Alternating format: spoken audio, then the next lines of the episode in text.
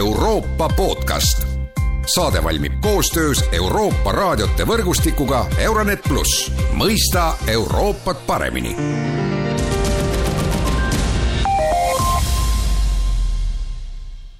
tere taas kuulama Euroopa podcasti.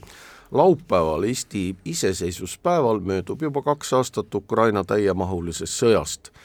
Kuidas see sõda on meid mõjutanud ja mis edasi võiks juhtuda, sellest on täna stuudios rääkimas Postimehe toimetaja Andres Herkel, tere päevast! tere! ja mina olen Erkki Vahovski. no alustame sellest, et Äh, ja seda sõda saab ju vaadelda mitme kandi pealt, aga, aga sinu jaoks, et äh, võtame, läheme siia nagu kodukamarale, et kuidas see sõda on Eestit muutnud, kaks aastat on möödas ja, ja kuidas siis Eesti ühiskond, Eesti noh, ühiskondlik elu on äh, sinu arvates muutunud? No eks ta esimese ehmatusega ikkagi muutus ja muutus eeskätt tänu sellele noh, niisugusele Ukraina toetamise ja ka sisemise patriotismi lainele, ma ütleks, aga kui vaadata seda, kuidas poliitikud käituvad ja Riigikogus obstruktsiooni teevad ja noh, eks samasugused asjad on mujalgi maades, siis võiks öelda ka nii, et minu arvates ühiskond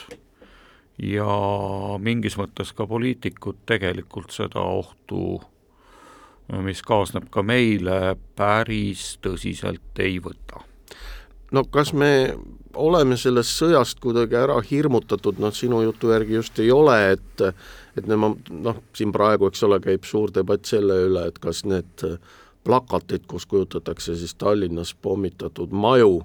noh, mida reaalselt ei ole olemas, et see lisab nagu kuidagi seda hirmufooni ja nii edasi, aga see hirmufoon on ikkagi reaalne meil? hirmutada ei ole vaja. ja ma arvan ka, et need plakatid ei hirmuta, aga küll aga on vaja ühiskonnale meelde tuletada reaalsust. see toimub meile väga lähedal ja arvestades seda, kuhu poole on teel ikkagi jätkuvalt teel Venemaa, siis see ähvardus ka meie jaoks muutub järjest siiski reaalsemaks, et jah, me võime vaadata praegu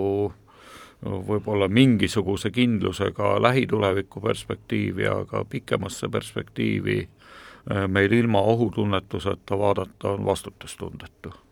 aga Lääs, kuidas Lääs on seda Ukraina sõda endale teadvustanud? vot Lääs, ma arvan, on, no kindlasti on teadvustanud ja on toimunud niisugused muutused, mida me ei osanud mõni aeg tagasi ju ettegi näha, mis puudutab siis nii energiatarneid Venemaalt, nende läbilõikamist, kõikvõimalikke sanktsioone, mis me samal ajal näeme siiski ei ole piisavalt tõhusad, sõjalise abi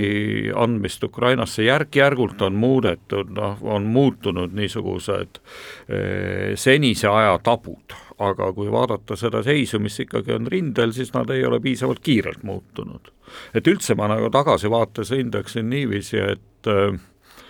sõja esimene aasta läks Ukrainale ja läänele isegi seda kõike hinnates üllatavalt hästi sest Venemaa ja, ei suutnud ja, Kiievit kiiresti võtta. jaa, aga tundub, et see momentum, mis oli veel aasta tagasi, eh, mis võib-olla jäi kasutamata mingil moel ka ukrainlastel endil, kui nad viivitasid vastu pealetungiga, aga eeskätt ikkagi sellega, et eh, Lääs ei suutnud seda eh, piisavalt jõuliselt relvatarnetega katta, eeskätt tagades äh, õhukaitse, kui sa oled õhus ikkagi tunduvalt oma vastasest nõrgem, see seadis Ukraina väga raskesse olukorda ja, ja nüüd hinnates äh, teist aastat meil on põhjust olla väga murelik selle pildi üle no tundub, et Lääs ei osanud arvestada sellega või Venemaa siis suutis oma mõtlemise ümber lülitada kiiremini just sellele, et see Ukraina sõda võib jääda venima. Venemaale kindlasti tuli, nagu juba öeldud, üllatusena või ebameeldiva üllatusena see, et ta ei võtnud Kiievit ära kohe ja, ja tõepoolest esimesel aastal nagu ei mõeldud ka väga palju kaitsele, Ukraina vastupealetung õnnestus, aga nüüd on nagu Venemaal võib-olla paremini isegi aru saadud, et see Ukraina sõda võibki jääda venima, nemad on teinud oma vastavad ümberkorraldused, aga Lääs ikkagi vist ei ole aru saanud, et esiteks, et see sõda tuleb pikk ja juba on pikk, ja et teiseks, et noh, tegemist on massiarmeedega, et tegemist ei ole mingisuguste lühikeste nii-öelda reididega, kus on siis eriväeosad ja, ja nii edasi, et et tegemist on laiade mastaapsete ma-, sõjaliste manöövritega no Venemaa saadab oma lõputut inimressurssi, mis tegelikult ei ole lõputu, rindel ju kindlasse surma. Ukrainal see ressurss on oluliselt piiratum ja ta on juba praegu noh, erinevate analüütikute hinnangul kriitiline. Et selles mõttes võib-olla tõesti esimesest ehmatusest üle saades selline pikaajalise sõja perspektiiv sobib Venemaale paremini ja noh, kindlasti mm, täiesti halb üllatus kogu muu maailma jaoks. aga arvestades jällegi seda, millised on Venemaa sisemised arengud ja mulle tundub, et siin sõja teisel aastal eeskätt selline Prigožini vastuhakku siiski mahasurumine, et see võis olla äh, Äh, niisugune pöördepunkt, et kuni sinnamaani võis olla mingisugune lootus, et Venemaal mingisugused sisemised tegurid hakkavad ka seda võimu kuhugi teisele poole pöörama, Lääs võib-olla seda suure segaduses muta aega on, on peljanud, aga need muutused Venemaal ei saa tulla ilmselt ilma suure segaduseta ja praegu paistab, et seda suurt segadust ei ole ka näha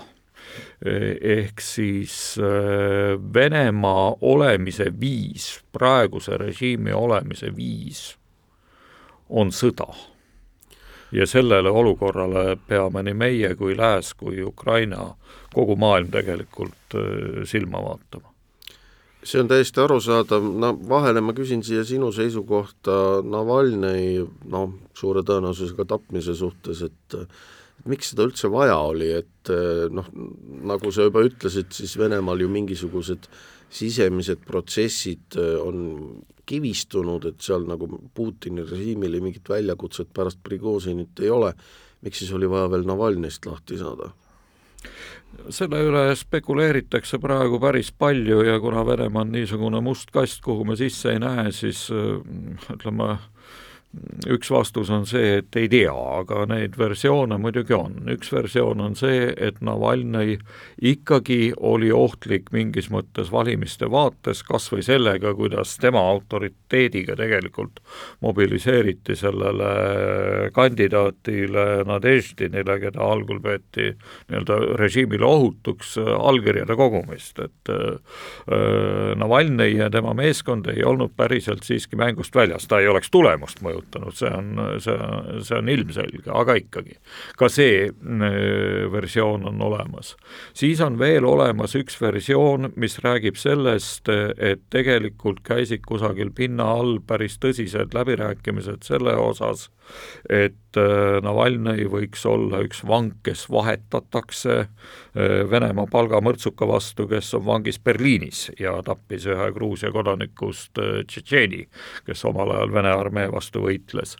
Mm, ja seda justkui kinnitavad ka noh, need Putini avaldused, mis ta tegi intervjuus Tucker Carlsoniga, kus ta, kus ta ärgitas siis ühte äh, kinni võetud topeltkodakondsusega USA ajakirjanikku vahetama oma palgamõrtsuka vastu. Ja siis see väide on just nagu see, et tegelikult Lääs survestas, et vahetada tuleb Navalnõi vastu, aga selleks, et see teema päevakorralt maha võtta, Navalnõi peeti õigeks sellel hetkel tappa. ma arvan, et neid tegureid tegelikult on päris palju, me ei tea, milline on see põhiline, aga me teame seda, et Venemaa vanglasüsteem on üks Putini inimvaenuliku süsteemi ehituskivi tegelikult. Seal võib juhtuda mida iganes inimestega. Ja, ja noh, see polaarjoone taha saatmine juba ja on juhtunud ka ju, jah jah, aga nüüd see Ukrainale antav abi, no seda me näeme, mis toimub USA kongressis ja, ja seal on see abi peatamine selgelt nagu sisepoliitilise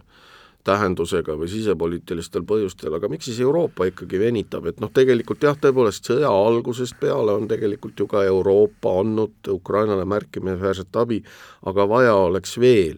eks ole, et oleks vaja anda pikamaarakette ja noh, rääkimata nendest mürskudest, mida siis ka Eesti siin on hakanud ajama, et Ukrainale anda miljon mürsku aastas, aga nüüd sellele selle tähtajani või selle numbri, numbrini ei ole jõutud ja ikkagi küsimus on see, et kas siis Euroopa jätkuvalt kardab mingisugust läbimurret Ukraina sõjas, kas ta kardab Venemaa tuumaähvardust või on seal veel mingid põhjused? ma arvan, et Euroopa jaguneb siin erinevateks riikideks, ma lugesin siin ühte Stoltenbergi avaldust, kus ta ütles ka, et F kuusteist siis äh, lennukite andmine Ukrainale erinevatelt riikidelt on erinevate tingimustega, et ühed ütlevad, et ei tohi sihtmärke, mis jäävad Ukraina piiridest välja, rünnata, teised neid ei sea, nii et need kõhklused Euroopa erinevate riikide puhul on ka seinast seina, aga ma ütleks, et alguses me ei oleks vist üldse väga panustanud Euroopa võimele siin otsustavalt käituda juba tulenevalt sellest, et nende varud on ka oluliselt väiksemad Euroopa riikidel nüüd, kui sellest suurest segadusest, mis valitseb Ühendriikide sisepoliitikas, midagi, midagi head välja lugeda, siis võib-olla ainult see, et see äratuskell nüüd Euroopas ikkagi kõlab, et me vajame öö, oma öö, tugevat kaitsetööstust, me vajame oma varusid ja me ei, ei saa öö, loota kõiges öö, Ameerika peale, terendab noh, üsna, üsna niisugune pilvine perspektiiv, et USA administratsioon võib mõne aja möödudes muutuda veelgi nõrgemaks lüliks, kui seda on Euroopa. Nojah, siin ju sellest ka on räägitud ja on viidatud siis äh, taas Valgesse Majja pürgiva Donald Trumpi väljaütlemistele, tõsi, Müncheni julgeolekukonverentsil ütles äh, noh, ilmselt NATO peasekretäriks saav Hollandi peaministri kohusetäitja Mark Rüte, et et lõpetage see vingumine Trumpi ümber, et Euroopa peab ise hakkama tegutsema, et tundub, et äh, kui me nüüd mõtleme tagasi selle transatlantilistele või transatlantilise sideme ajaloole, siis see Ukraina sõda ja see võimalus, et Trump naaseb Valgesse Majja, äh, on kõige tõsisem selline noh, väljakutse senisele transatlantilise alliansi ajaloos ja noh, kui me arvestame veel võimalusega, millele ju Trump on ka viidanud mitu korda, et et NATO, et USA astub NATO-st välja või ka, et USA ei kaitse kõiki NATO riike, kes ei maksa seda pi-, piisavat maksu NATO eelarvesse või oma ka kaitsekuludeks, et, et siis ongi niimoodi, et Euroopa ja USA teed lähevad lahku. No see Rüte avaldus kõigepealt, kui seda kommenteerida, siis ma arvan, see poliitiliselt väga tark. ja, ja, ja niimoodi ongi, et siin Euroopa peab ise nii palju tegutsema, kui on tema võimuses, Euroopa ei saa juhtida USA sisepoliitikat, see on selge